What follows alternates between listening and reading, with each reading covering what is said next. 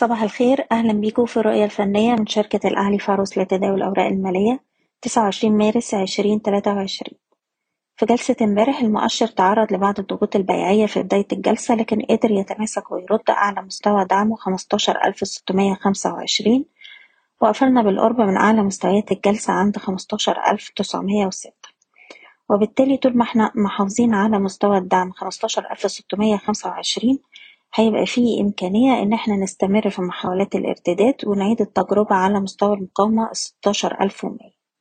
حالة نجاح المؤشر في تجاوز مستوى الستاشر ألف ومية هتمتد الارتفاعات لمستوى المقاومة التالي عند الستاشر ألف وخمسمية.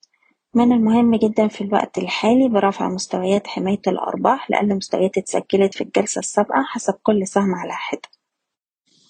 وبالنسبة للأسهم نبدأ بسهم النساجون امبارح السهم قدر يخترق مستوى المقاومة بتاعه لاتناشر جنيه بأحجام تداول عالية. أول مرة نقفل فوق المستوى ده من بداية العام وبالتالي بنستهدف مستوى المقاومة الأول عند التلاتاشر جنيه. أقرب دعم لجلسة اليوم هيكون حوالين الاتناشر ونقدر نرفع حماية الأرباح لأقل مستوى اتسجل في جلسة امبارح عند الحداشر جنيه ونص. القبضة القوتية بالجنيه نقدر نحتفظ بالسهم ونرفع مستوى حماية الأرباح للتمانية وتلاتين جنيه.